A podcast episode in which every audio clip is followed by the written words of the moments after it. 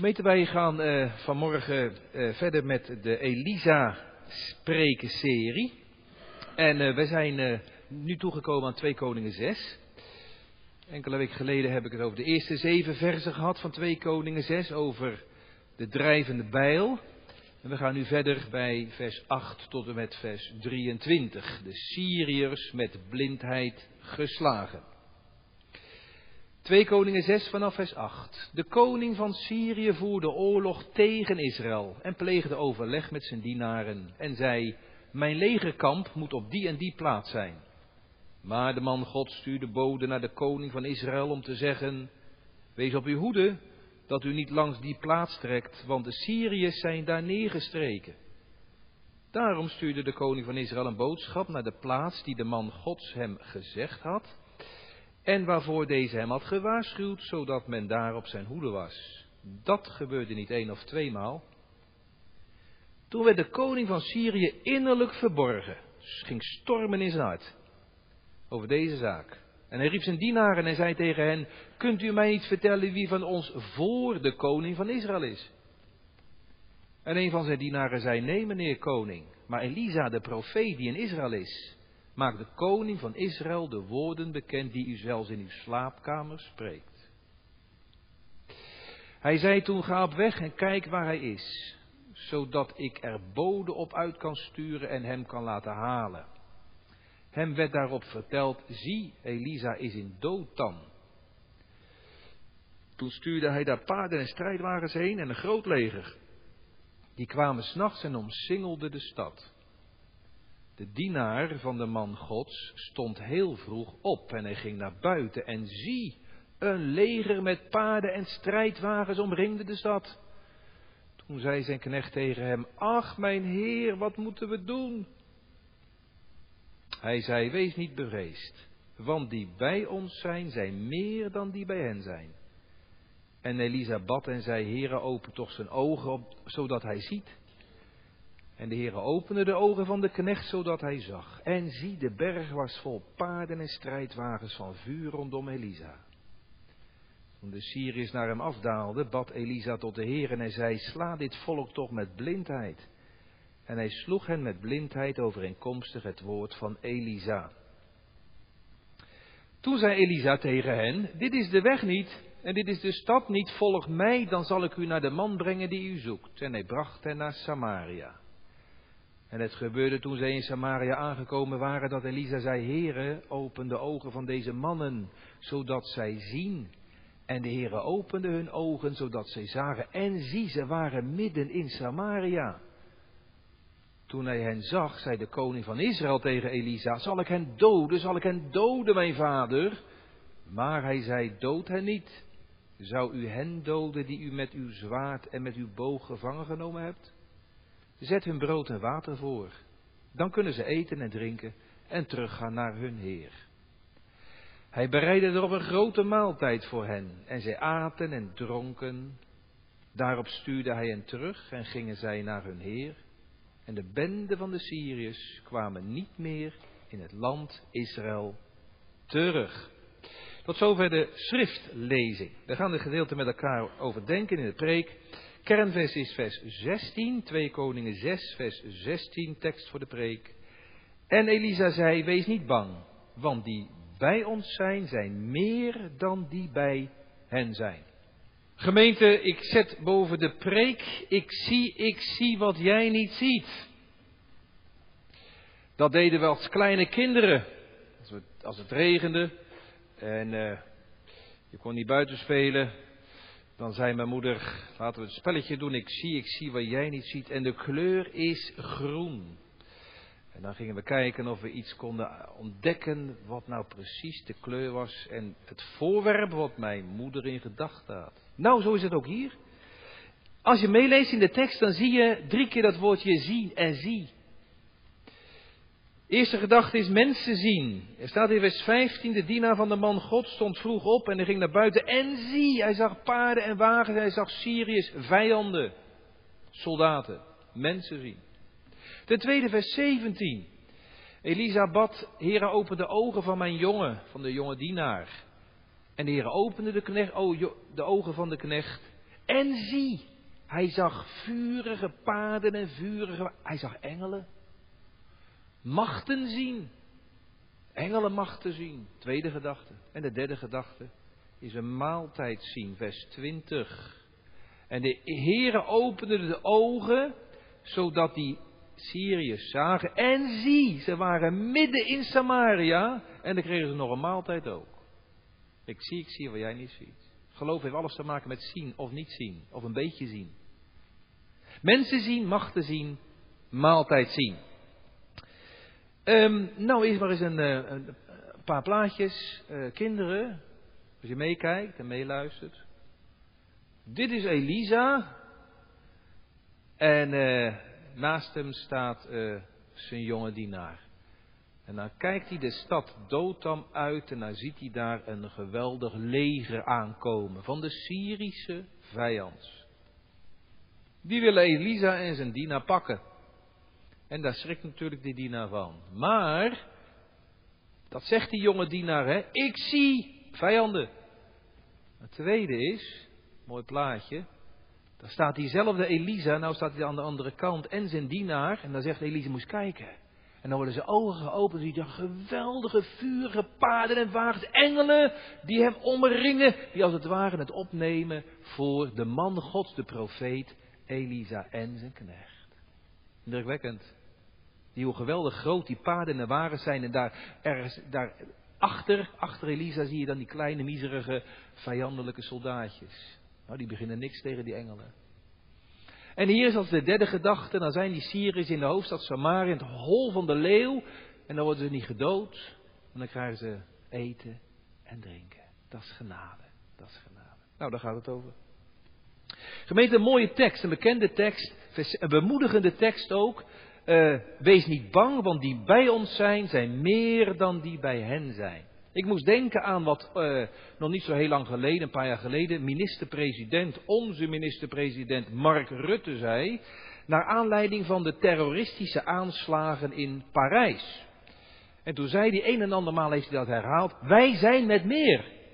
Met andere woorden, die paar terroristen die kunnen niet een hele land en heel West-Europa lam leggen. Wij zijn met meer aantallen uh, die, de democratie die het goede wensen. En we laten ons niet afschrikken door die paar terroristen. Wij zijn met meer. Hij wilde als het ware de Nederlanders een beetje geruststellen.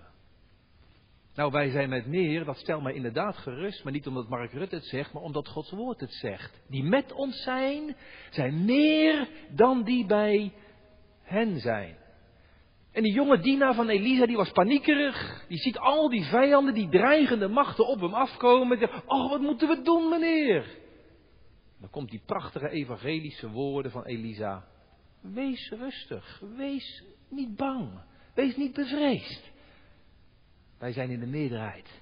Alleen, dan moet je wel goed kijken. Het gaat in dit deze geschiedenis over strijd. Strijd tussen twee volkeren, de Syrische onder leiding van Ben-Hadad en koning van Israël, Joram, en die strijden tegen elkaar. De vijand die valt Israël binnen. Maar er zit ook achter een geestelijke strijd. Het is ook een geestelijke strijd. Mensen strijden tegen elkaar, maar ook machten. En het gaat naar de overwinning van Gods volk. Israël wordt hier zelfs meer dan overwinnaars, zonder te strijden en zonder bloedvergieten. Op een hele wonderlijke manier hebben we gelezen. Dat het over strijd gaat, ziet u in vers 8, als u uw Bijbeltje nog open hebt. De koning van Syrië voerde oorlog tegen Israël, anti-Israël. En in vers 11 staat, kunt u mij vertellen wie er voor de koning van Israël is. Het gaat over tegen en het gaat over voor. Het gaat over legers en het gaat over strijd en overwinning. Wonderlijk dat tweede plaatje, hè? Met die paarden en wagens, engelen. Dat die onzichtbare wereld er is. Ik was in de voorbereiding van deze preek bezig en toen hoorde ik van, uh, van mijn zoontje, trouwens ook van, uh, van de Wingert, dat ze met dankdag proberen heel veel geld op te halen, sponsorloopje uh, voor de MAF. Nou, dat is heel mooi, dat is hartstikke een goed doel eigenlijk voor de MAF. Je kan zelfs MAF-sokken kopen als je wilt. Van alles en nog wat voor het goede doel. En toen stuitte ik op een mooi verhaal in de voorbereiding.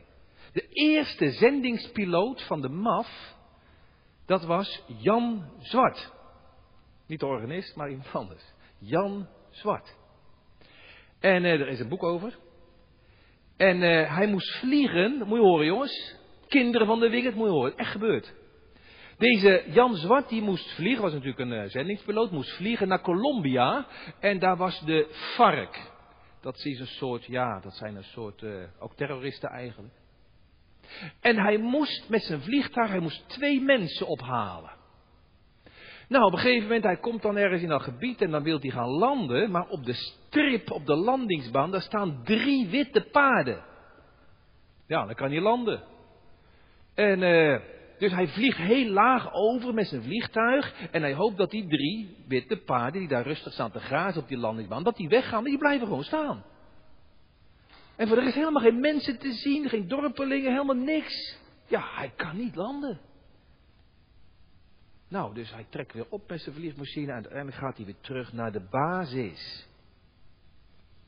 Een week later komt de burgemeester van dat dorpje waar die landingsbaan was. En die klopt aan zijn deur en die gaat binnen. Waarom bent u niet geland? Nou, zegt Jan Zwart, ik ben niet geland. Wacht, jullie lieten die paarden naar op, die, op die, die vliegbaan staan, zodat ik niet kon landen. En toen zei de burgemeester dit. Wij hebben helemaal geen paarden in het dorp. Alleen een paar koeien en een paar uh, grijze ezeltjes. Weet je waarom er niemand tevoorschijn kwam?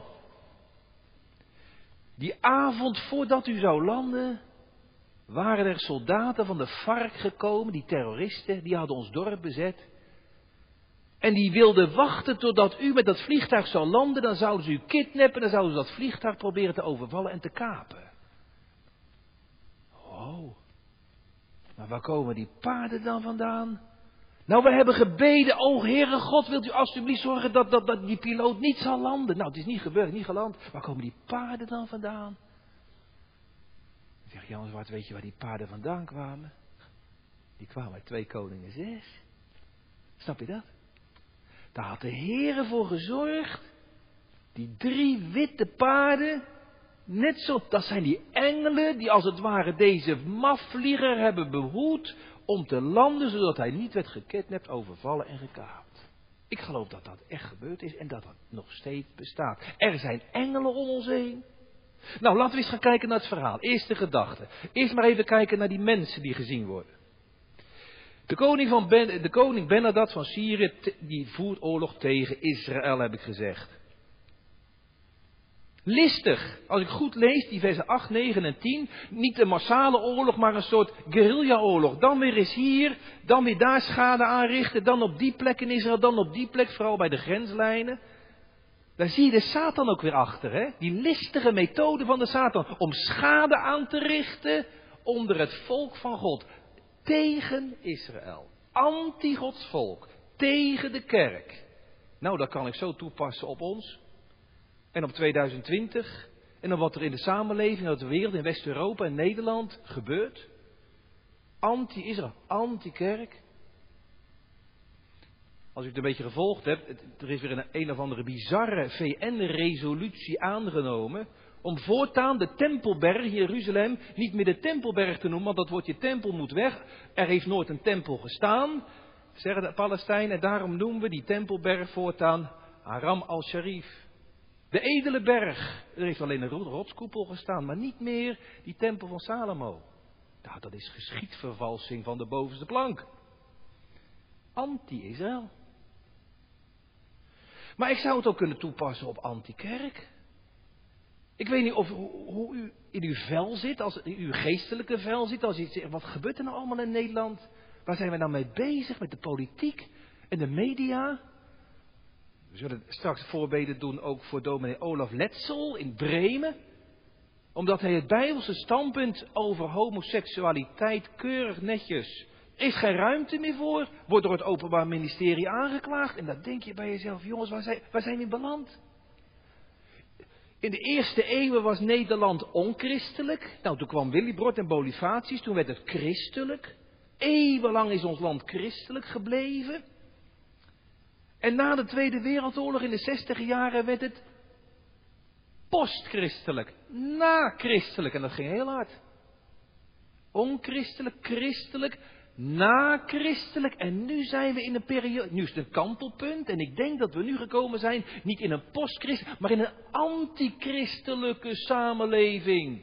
Waar wij nu deel van uitmaken. En dat ga je steeds meer voelen. Als je Bijbel getrouw wilt zijn en blijven, dan ga je het moeilijk krijgen. Antichristelijk. Als het gaat over de standpunten van abortus, mast voor het leven of euthanasie. Kinderen moeten ook zich kunnen euthanasieren. Als het gaat over de genderideologie. Jip en Janneke boekjes zijn verboden, want dan gaat het over een, man, over een jongetje en een meisje. Dat kan niet meer, want dus de, de rol van man, vrouw, de scheppingsorde van God, dat kan eigenlijk ook niet meer, dat moet ook weg. De christelijke scholen, de vrijheid van onderwijs. Dat je, ja, je mag eigenlijk niet meer zeggen dat God de wereld geschapen heeft, want dat is niet wetenschappelijk. Je mag ook niet meer zeggen dat je geschapen bent als man en vrouw, want dat, dat moet je zelf maar kiezen. En als het gaat natuurlijk over de identiteitsverklaring, nou, er is zomaar een handvol dingen die nou spelen in de afgelopen periode. Tegen Gods woord. Tegen Gods volk. Anti. En dat is benauwend. Dat lijkt net een, alsof je omsingeld wordt. Nou, dan zie je hier Elisa. Elisa, die zich bemoeit met de politiek. En die de koning van Israël zegt, die weet, die ziet, die, vijand die komt daar binnen en daar binnen, koning. Zorg dat er daar manschappen zijn, zodat je niet, de listen van Satan zijn ons niet onbekend. Daar moet je je versterking gaan zetten. Hij doorziet de tactiek van de vijand en hij wijst op de locatie waar de vijand een aanslag pleegt. Nou, dat gebeurt een en ander maal en de, de Syrische koning denkt van, hè, wie is de mol? Wie zit hier de boel te verraden? Is er een spion in mijn stafofficieren? Waar zit de lek? En dan is er eentje van de inlichtingendienst van Syrië die zegt: Nee, de lek zit niet bij uw manschappen. Dat is die ene Elisa, die ene man Gods. Hij wordt verschillende keren de man Gods genoemd. Eén man Gods. Moet je vooruitkijken. Er zijn heel veel christenen waar, die, waar de duivel helemaal geen moeite mee heeft. Want dat zijn lauwe christenen. Het zijn kerkgangers, meer niet. Maar als je dicht bij God leeft, hè, zoals Timotheus dat deed. Gij, o mens Gods, man Gods, als je een vrouw Gods bent, een vrouw toegewijd, een man, een jongen, een meisje toegewijd aan God, dan krijg je de Satan tegen, want daar kan hij niet tegen. Eén man Gods. En het Syrische leger is bang voor hem. Daar zit de lek.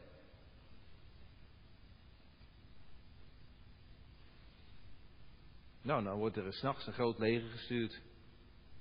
Vers 14. Toen stuurde de Syrische koning paarden en strijdwagens daarheen. Een groot leger. Die kwamen s'nachts en omsingelden de stad Dothan, waar Elisa was. De man Gods lijkt op de Heer Jezus, de Zoon van God. Een heel groot leger van de vijand voor die ene ongewapende Elisa. Zo zie ik een groot leger onder leiding van Judas naar Gethsemane gaan van die ene ongewapende Heer Jezus. Elisa is een voorbeeld, een voorloper van de Heer Jezus, de man God. Ja. Nou, dan wordt het omsingeld. En dan vers 15, de dienaar, die een jonge man nog, de dienaar van de man Gods, die stond heel vroeg op, s de zon komt net op het ochtendschemer. Hij doet de gordijntjes open, hij doet de deur open. En dan stapt hij naar buiten. En dan krijgt hij de schrik van zijn leven.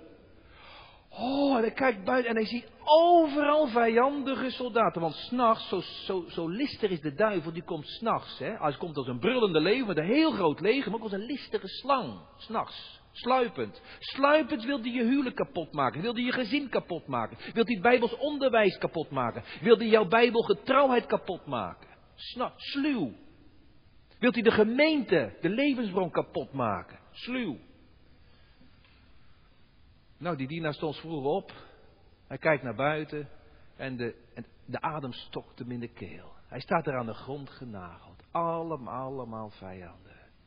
Waar hij ook kijkt, omsingeld. Kijkt hij naar voren, kijkt hij achter, kijkt hij naar de zijkant, kijkt hij naar rechts, naar links, overal vijanden. Ik zou wel willen ontsnappen, maar waar? Ik wou vluchten, maar kon nergens heen. Waar moet ik naartoe? Ik zit als in een tang. En die tang die komt steeds kleiner, die wordt, die wordt aangetrokken. Ik zit als een tang, als een rat in de val. Elisa en die jongen, geen ontkomen aan. Snapt u die reactie? Ach meneer, wat moeten we doen? Ja, zo kan je voelen. Waar bent u door omringd? Ik kom even pastoraal naast u zitten. Waar bent u nou door omringd? Dat je zegt van ja, dat is een klem die wordt steeds nauwer aangetrokken. Ik kan me goed voorstellen dat je op een, een zondag als deze zegt, ik ben benauwd omringd door droefenis. Ik voel me zo bedroefd vandaag. Benauwd omringd door droefenissen. Net zoals die jongen van de man gods. Riep de Heere aan in al mijn nood. Ja, waar ben je door omringd? Wat zijn de bedreigingen voor jou? Ik word soms omringd door aanvallen van depressies, van, van, van eenzaamheid, van isolatie, van neerslachtigheid. Waar wordt mijn huwelijk door bedreigd? Overal zie ik, is er, is er nog een uitkomst, is er nog een oplossing? Of mijn, of mijn kinderen, waar worden mijn kinderen door bedreigd? Nou, ik weet een bedreiging. En elke moeder en elke vader, ook in de pastorie, ook wij, hebben daarmee te maken als het gaat over je kinderen. Nou ja, vanaf uh, zes tot, uh, tot het uit gaan eigenlijk. En dat is die bedreiging van, nou, beeldscherm, beeldscherm. Ik zie gewoon dat ze kijken, die influencers, die YouTubers, die rappers. En dat trekt, hè. En het is, het is wekelijks, het is dagelijks een, een gesprek, vaak een strijd. Hoe lang kijken we? Stoppen, daar wel naar, daar niet, daar niet, want dat beïnvloedt je. Het, is altijd, het, gaat, het gaat altijd weer anti de Bijbel. Zo sluipend, ook kinderen worden daarin meegenomen. En je, u voelt het, ik voel het, u voelt het. Dat is een geestelijke strijd om je kind, om jouw lieve kind. Het beïnvloedt. En je voelt je soms als die jongen, onmachtig, ach wanneer als dit zo doorgaat, dan ga ik niet winnen. Nou zijn ze op 6, 7, 8, 9, 10, 11, 12. Dan gaan ze naar de middelbare school. Dan kan ik, heb ik er geen zicht meer op. En dan ga ik het verliezen. Nou, als je nog een goede tip hebt. Toch? Je voelt je soms totaal onmachtig. Ja, het houdt je kind in de greep. Of jou. De dienaar onmachtig. En het lijkt wel Satan door middel van die mensen overmachtig. Kan er niet tegenop. Maar laat je nou bemoedigen door dit gedeelte. God is almachtig. Nou, we gaan naar de tweede gedachte. Die jonge dienaar die zag mensen, die zag vijand, die zag bedreiging, die zag gevaar. En dat had hij goed gezien, want dat was er. Dat werd niet ontkend. Maar nu de tweede gedachte. Macht te zien. Als hij dan roept tot de man Gods. Als hij, als hij dan roept tot, ja, Elisa, tot de zoon van God zouden we nu zeggen. Ach meneer, wat moeten we doen? Dan zou Elisa zeggen, je, je moet niks doen, je moet kijken. Je moet zien. Vers 16. Hij zei, wees niet bevreesd, want die bij ons zijn, zijn meer dan die bij hen zijn. Zie het verschil tussen die jonge dienaar en Elisa, de man Gods. Wat is het verschil? Nou, de een is paniekerig, angstig, onrustig en de andere is zo kalm, zo rustig. Vind ik zo mooi. Die jongen, dat was een gelovige jongen. Het was een klein gelovige jongen. Want hij zag op de omstandigheden. En Elisa was een man gods. Een man die dicht bij de Heer toegewijd aan God. En die zag niet op de omstandigheden. Die zag wel de omstandigheden. Hij was niet blind. Maar hij, keek niet, hij was niet blind. Hij keek beter. Hij keek beter. Hij keek beter. Hij zag op God. Ik zie, ik zie wat jij, jongen, nog niet ziet. De een die zuchtte, die jongen die zuchtte. Ik werd benauwd van alle zijden. Ze hebben me omringd als bijen. En dadelijk gaan ze steken. Nou, dat hoor ik, dat hoor ik om me heen. Van mensen, van christenen, van kerkgangers. Van gelovigen in de landen. Hele complottheorieën die je kunnen beangstigen en benauwen. Je raakt er helemaal van, van, van, van, van, van, van de rook.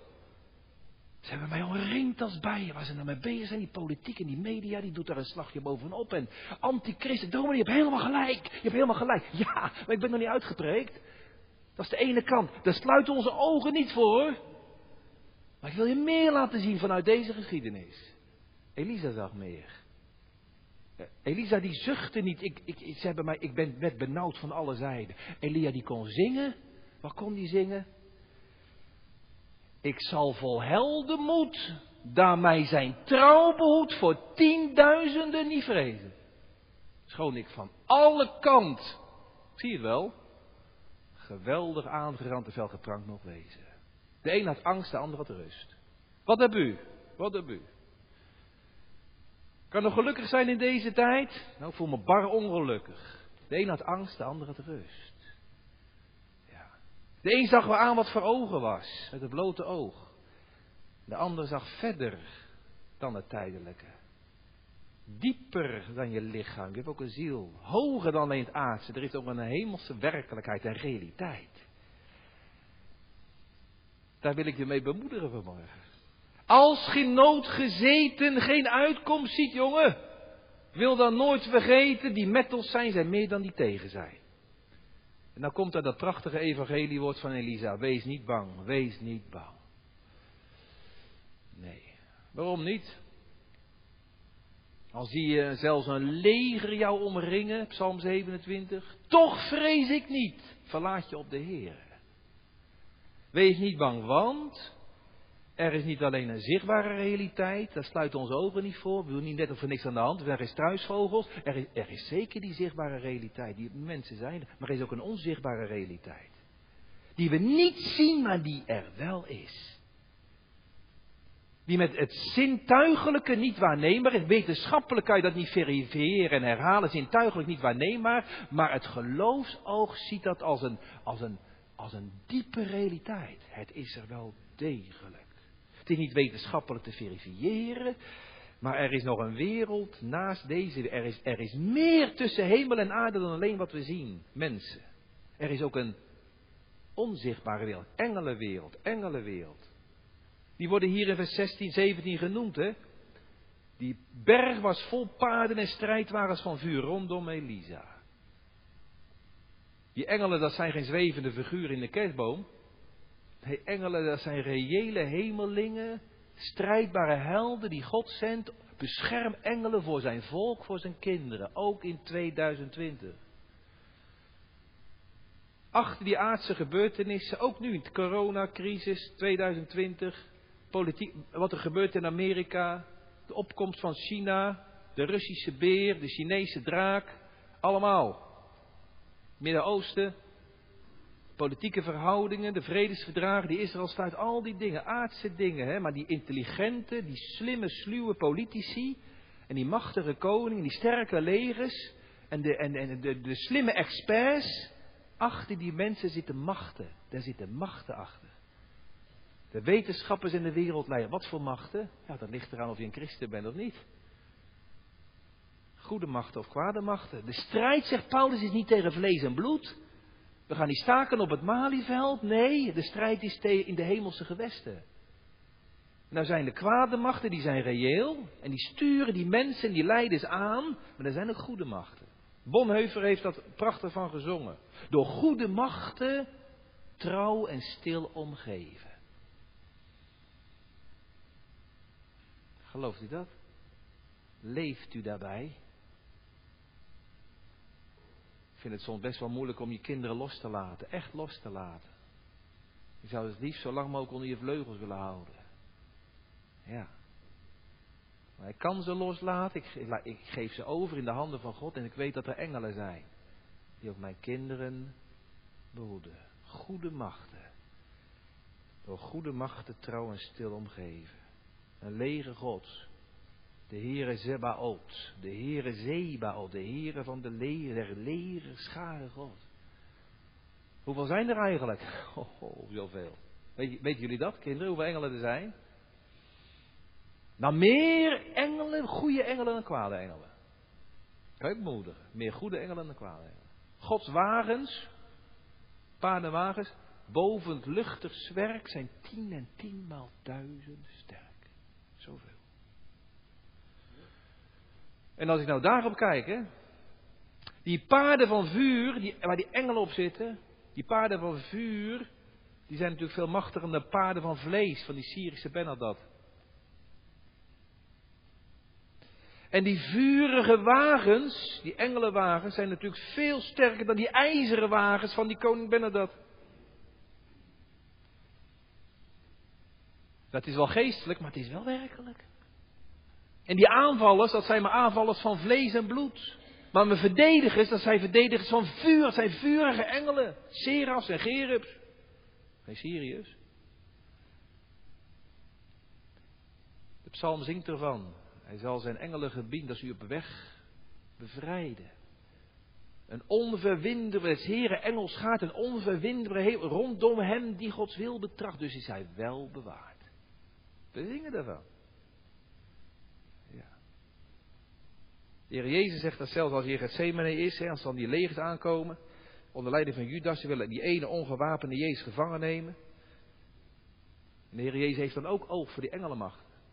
Hij laat zich gevangen nemen, maar hij zegt op hetzelfde moment tegen zijn discipelen, als zou ik nu mijn vader bidden, zou hij meer dan twaalf legioenen engelen zenden om mij te bevrijden. De Heer Jezus had ook oog voor die onzichtbare wereld. Die goede machten. Geen vrees. We kunnen bemoedigend zijn. We kunnen, we, kunnen bemoedigd worden. Want die legers die met ons zijn, zijn meer. Die legers van God, die Gods kinderen beschermen, die zijn talrijker, heb ik gezegd. In aantal. Ze zijn sterker dan de demonen. Eén engel die kan er zo 185.000, denk maar aan Elisa, eh, denk maar aan Eskia, 185.000 neerslaan. Ze zijn talrijk, ze zijn sterker dan de demonen. Ze zijn snel. Ze hebben vleugels, ze kunnen zo naar je toe vliegen. Ze waken altijd. Engelen hoeven niet te slapen. En ze zijn dichterbij, dichterbij dan dichtbij. Dichterbij dan dichtbij. Moet u eens lezen, vind ik, wat vond echt mooi. Er staat in vers 15, de legers met paarden en strijdwagens omringden de stad. Waar zijn die vijanden? Om de stad. En wat staat er nou in vers 17? De berg was vol vurige paarden en strijdwagens, vol vuur rondom Elisa. Dus die vijand zat om de stad, maar die engelen die zaten nog dichterbij, die zaten om Elisa heen. Dus wilden die vijanden nou Elisa te pakken, dan zullen ze eerst door die firewall, door die vurige muur van de engelen doorheen. Nou, dan zouden ze allemaal verschroeien. Die engelen waren dichterbij dan de vijand. Prachtig. Is dat echt waar, heer? Mag ik daarbij leven? Mag ik daarbij leven? Mag ik zo leven? Toen ik in mijn eerste gemeente stond, in Goudswaard, dat is al heel wat jaren geleden, toen hadden we op een doordeweekse avond een gevangenispredikant. Dominee D.J. Klein Onstenk. Gevangenispredikant. Christen gereformeerd. En die had een geweldige lezing. Die vertelde over zijn gevangeniservaringen. Uh, uh, en één voorbeeld heb ik altijd onthouden. Hij zei, hij zei, ik kwam bij de draaideurcriminelen. En soms bij de zwaarste criminelen. En dan zeiden de bewakers wel eens van, durf je daar naar binnen te gaan? Want ja, je gaat er naar binnen, de deur doen we dicht. Hij zei, ja hoor, ik ben niet bang. Nou, toen ging hij naar zo'n hele zware crimineel en de deur ging dicht. En uh, ja, één op één met een spreker. Toen zei die crimineel, zegt, weet je dat ik op dit moment, hè, dat ik je bij je strot kan pakken, dat ik je, dat ik je kan, dat, dat ik je kan vermoorden. En toen zei dominee Klein Onze, zei hij dit. Hij zegt, ja, jij bent maar met één, maar ik ben met z'n vieren. Met z'n vieren? Jij bent maar alleen, ik ben met vier. Ja, jij staat er toch alleen maar? Hij zegt, nee. Hij, ik en de Vader en de Zoon en de Heilige Geest, die staan om me heen. Die, die zijn er ook. Dus ik ben met vier, jij bent maar alleen. En dan maakte die kerel mak. Hij geloofde dat. En Dominic Klein Onze geloofde het ook. Dat in die gevangenis, in die cel, dat er drie enige God bij was. Die met mij zijn, zijn meer dan die tegen zijn. Om daarbij te leven. Ja. Ik geloof trouwens ook dat die engelenwereld, die, ook, ook de hemel trouwens, dat die veel dichterbij is dan we denken. Ja, de hemel is niet alleen maar hoog en ver weg, boven de sterren, ja, ook wel. Maar de hemel is heel, die engelen zijn ook heel dichtbij. De hemel is ook heel dichtbij. Dat, dat is een, ja, weet je, dat is een soort vierde dimensie. Je hebt lengte, breedte en hoogte.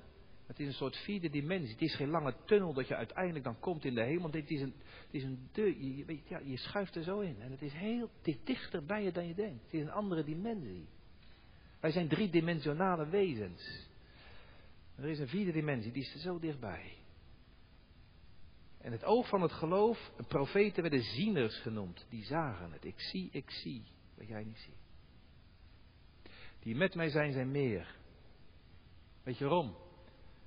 Als God mijn God maar voor mij is. Wie is er dan mij tegen? Er kunnen alle dingen tegen je zijn, maar God is voor je. Ja. Als de Heer Jezus voor je is, met je is, ik ben met je elke dag. Dat je dat als gelover erbij mag leven. Niet alleen geloven, ik geloof maar dat je erbij mag leven. Dan geeft dat een ongelofelijke gerustheid. Want die ene Jezus, daar ben je toch altijd in de meerderheid. Want die ene Jezus, hoe zegt Hooglied dat? Mijn liefste is blank en rood en hij draagt de banier boven 10.000. Hij is meer waard dan 10.000 vrienden. Hij is krachtiger dan 10.000 vijanden. Met mijn Jezus spring ik over een muur en ga ik door bendes heen. Ja. Hoeveel is hij jou waard? Voor hoeveel telt de Jezus in jouw leven? Voor hoeveel telt hij? Ja. Nou, gemeente. Vers 17. Elisa bad en hij zei, Heere, open toch zijn ogen. Vind ik ook een mooie tekst. Elisa de meester gaat voorbidden voor die jongen die het nog niet helemaal helder ziet. Tot God. Hij bidt tot God voor een ander. En hij bidt met aandacht, open toch. Daar zit iets in van, Heer, wilt u alsjeblieft en het hem laten zien. En laten zien dat u er ook voor hem bent. Want die jongen ziet alleen het gevaar. Die ziet alleen het negatieve. Maar hij ziet u nog niet. Hij ziet half. Hij ziet niet helemaal. Hij ziet iets, maar hij ziet het nog niet helder. Er is meer te zien. Hij ziet het gevaar, maar hij ziet niet Gods leger. Geef hem inzicht. Laat hij niet alleen zien op die grote vijanden, maar laat hem ook zien op die u, de allerbeste vriend en verlosser. Spurgeon heeft hier een preek over gehouden en Spurgeon vind ik altijd zo prachtig. Dat is mijn man. Geestelijk. Heren, wilt u alsjeblieft, zegt Spurgeon hè. Heren, Bid Elisa, wilt u alstublieft als een meester opticien zijn? Een meester opticien. En corrigeer zijn gezichtsvermogen van mijn knechtje. Corrigeer zijn gezichtsvermogen. Ja. Niet zien, leren zien, blijven zien met het oog van het geloof en anderen ook willen laten zien. Open mijn ogen ik wil Jezus mijn Heer zien, zingt een opwekkingslied. Open mijn ogen opdat ik U zien kan. Open mijn oren opdat ik Uw stem hoor. Open mijn hart opdat ik U gehoorzaam. Open mijn ogen dat ik U zien mag. En ja hoor, op het gebed van de man Gods krijgt die jongen te zien. Zo mogen wij als ouderen bidden voor de jongeren, onze kinderen, de kinderen van de gemeente. Heer, geef ze zicht op U, recht zicht op U. Dat ze niet blind zullen zijn, maar dat ze ook niet één oog zullen hebben. Alleen maar oog voor het ene. Maar dat, dat ze het mogen zien zoals u, beide ogen. Open beide ogen. En dan worden die ogen geopend, vers 17. En zie, de berg was vol paarden rondom Elisa. Streepje onder vol, rondom. Een ring van bescherming. Een dubbele omsingeling vijanden, maar dichterbij de engelen. Ja, dat geeft een ongelooflijke gerustheid. Maar goed, engelen die gaan wel mee. Maar je hebt ook je eigen verantwoordelijkheid. Dat moet ik er ook wel bij zeggen. Ik word niet uitgeschakeld. Maar engelen worden ingeschakeld. Ik word niet uitgeschakeld, engelen worden ingeschakeld. Een engel is niet de vervanger van je autogordel. Ja, nou, engelen zijn er altijd bij, dus ik kom mijn autogordel niet aan te doen. Engelen zijn altijd bij me, dus ik kan rustig door rood fietsen. Ja, bij, als het stoplicht op rood staat, dan blijven de engelen staan. En als jij doorfietst, ben je onbeschermd. Je eigen verantwoordelijkheid moet je wel nemen. we zijn er wel. Ja, je mag niet roekeloos zijn. En zelfs bij het sterven, en dan denk je aan de coronaperiode, mensen in eenzaamheid, achter de ramen zie je je geliefde als je die nog kan zien. Dan sterf je in volstrekte eenzaamheid. Wat een, wat een tijd, wat een jaar is het geweest. Erg. En toch, in het geloof, als ik er niet bij kan, die engelen zijn er, hè. Toen Lazarus stierf, volstrekt eenzaam. Toen waren er engelen die dat hoopje pakten en meenamen naar de schoot van Abraham in het paradijs. Toen, Elisa, toen Elia heen ging, waren daar weer die vurige paarden en wagens. En zijn naam, die engelen doen dan dienst voor degene die de zaligheid berven. En die hand, die engelenhanden zijn er om ze mee te nemen naar de Here toe. Ja. Die met ons zijn, zijn meer dan die tegen zijn. Nou, ik zou graag willen dat je dat onthoudt. Schrijf dat woordje meer in je hart. Meer, meer. Meer dan een vader zorgt het gij. Meer. Als ik God denk, dan denk ik aan meer. Er is meer genade bij God dan zonde bij mij. Meer vergeving bij God dan schuld bij mij. Meer troost bij God te verkrijgen dan er verdriet bij mij is. Meer hulp bij God dan nood bij mij. Nou, dat laatste, daar ben ik maar kort over. Het ging weer om vers 16, dat 17 heb ik uitgelegd, maar er is nog een derde zie. Dat zijn dan Elisa bid, ja, maar die, komen, die vijanden die komen natuurlijk wel naar Elisa toe. Ze zeggen, heren, wilt u ze met blindheid slaan? En dat gebeurt. En dan gaat Elisa de stad uit, is hij niet bang? Nee, want uh, die engelen zijn erbij. En dan zegt hij, jullie zoeken de verkeerde man. Uh, ik kan je wel brengen naar eh, degene die jullie zoeken, Sirius. En dan gaat hij voorop, een soort rattenvanger van Hamelen. Dan gaat hij voorop en die Syrië, zo mak als een lammetje, die vijanden, die soldaten, die gaan zo mee. Die lopen vier uur achter elkaar van Dothan naar Syrië, naar, van Dothan naar Samaria, de hoofdstad, hol van de leeuw. En dan bidt hij nog één keer, dan zijn ze daar in de hoofdstad. De Heer, wilt u nou de ogen van de Syriërs openen? En doen zijn ogen open en zijn ze allemaal omringd door Joram, door Israëlische soldaten in het hol van de leeuw. Ah, nou gaan we eraan. Nou gaan we eraan. En dan horen ze, dan horen ze daar eh, Joram zeggen: Zal ik ze neerslaan, Elisa? Zal ik ze neerslaan? Oh, wat hebben die Syriërs gebeefd? En dan zegt Elisa: Nee, dat doen we niet. Dat doen we niet. Ik dien de God niet van de dood of van de moord. Ik dien de God van het leven. We gaan ze een maaltijd voorzetten. Dat is genade.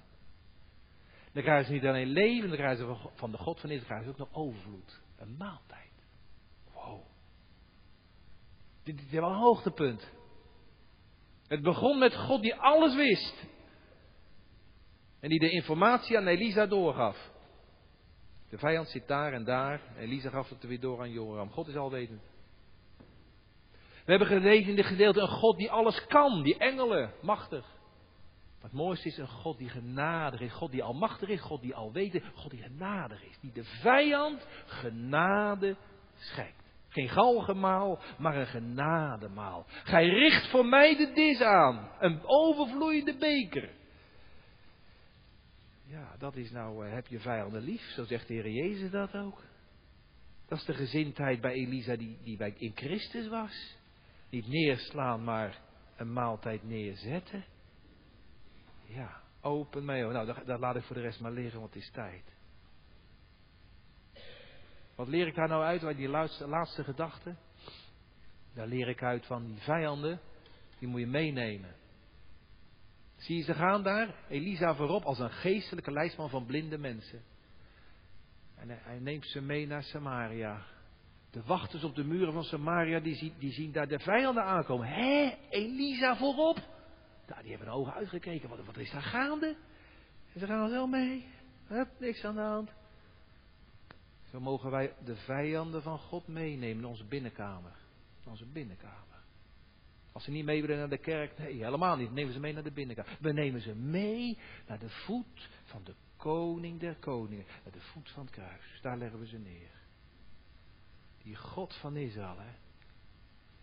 Dat grote leger, dat krijgt een grote maaltijd. En ze kwamen nooit meer terug. De vijandschap was verbleekt. Die vijandschap bij de Syriërs, die was er niet meer. Die vijandschap, die was versmolten. Omdat ze vergeving hebben ervaren. Nou, tenslotte, gemeente, wat ziet u? Ik zie, ik zie wat jij niet ziet. En de kleur, nee. Wat zie je? Mensen, machten, maaltijd. Wat zie je?